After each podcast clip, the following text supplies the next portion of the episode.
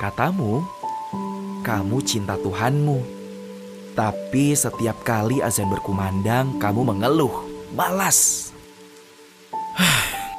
Udah azan lagi aja. Katamu, kamu cinta. Tapi kamu enggan berada di dekatnya. Katamu, kamu sayang pada Tuhanmu.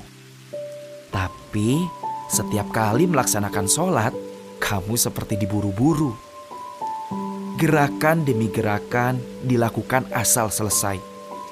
Kewajibanmu yang penting gugur.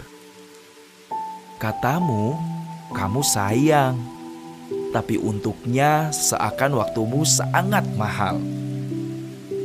Katamu, kamu mencintai Rasulullah, sosok yang menjadi tuntunan agar dapat menjalani hidup yang lebih baik. Tapi kamu bahkan sering lupa kepadanya.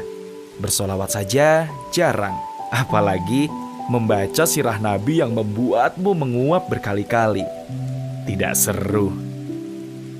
Katamu kamu cinta, tapi kamu enggan mendekat untuk memahaminya. Masihkah kamu akan menyayangi tanpa bukti dan mencintai tanpa aksi?